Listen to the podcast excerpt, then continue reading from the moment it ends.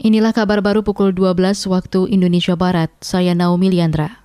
Menteri Dalam Negeri Tito Karnavian mengklaim tak bisa memberikan sanksi kepada kepala desa yang mendukung perpanjangan jabatan Presiden Joko Widodo menjadi tiga periode.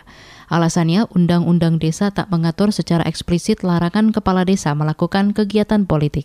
Kalau saya memberikan statement, kepala desa tidak boleh deklarasi, mereka jawab, dasar saya menyatakan itu apa? Saya melanggar hukum. Kalau mereka berkampanye, pasti saya larang.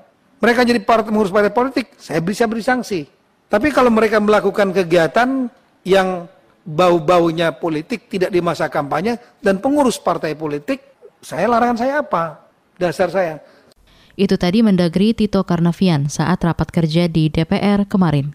Dalam rapat tersebut, Komisi Pemerintahan DPR meminta Tito turun tangan menertibkan sebagian anggota Asosiasi Pemerintah Desa Seluruh Indonesia APDESI yang mendukung Jokowi tiga periode. Kemendagri disebut punya wewenang membina ormas dan pemerintahan desa. Kita ke Kalimantan Timur. ASN di Kota Balikpapan dilarang cuti lebaran tahun ini, kecuali bagi yang mengalami situasi darurat. Mereka juga dilarang pulang kampung saat libur lebaran maupun menggunakan fasilitas negara untuk kepentingan pribadi. Wali Kota Balikpapan, Rahmat Masud. Belum ada karena dari pemerintah pusat kan belum memperbolehkan kita ini. Kecuali urgen, artinya yang tidak bisa seperti ya tidak diminta-minta kalau ada kena musibah keluarganya di luar daerah ya boleh boleh boleh pulang. Ya artinya cuti kalau banyak ada yang emergensi, mungkin ada berduka. Wali Kota Balikpapan Rahmat Masud mewanti-wanti layanan publik jangan sampai terganggu meski tengah berpuasa. Selama Ramadan, ASN di sana bekerja mulai pukul 8 pagi hingga 4 sore. Beralih ke informasi olahraga.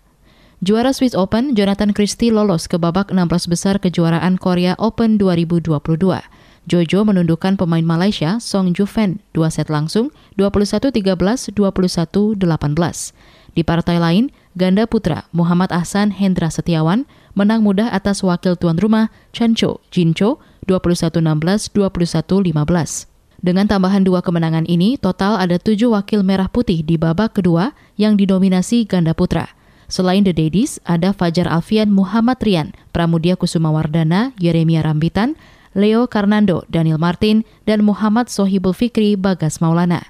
Sedangkan di sektor tunggal putra, Indonesia juga meloloskan Cesar Hiren Rustavito. Saudara, demikian kabar baru KBR. Saya Naomi Liandra, undur diri.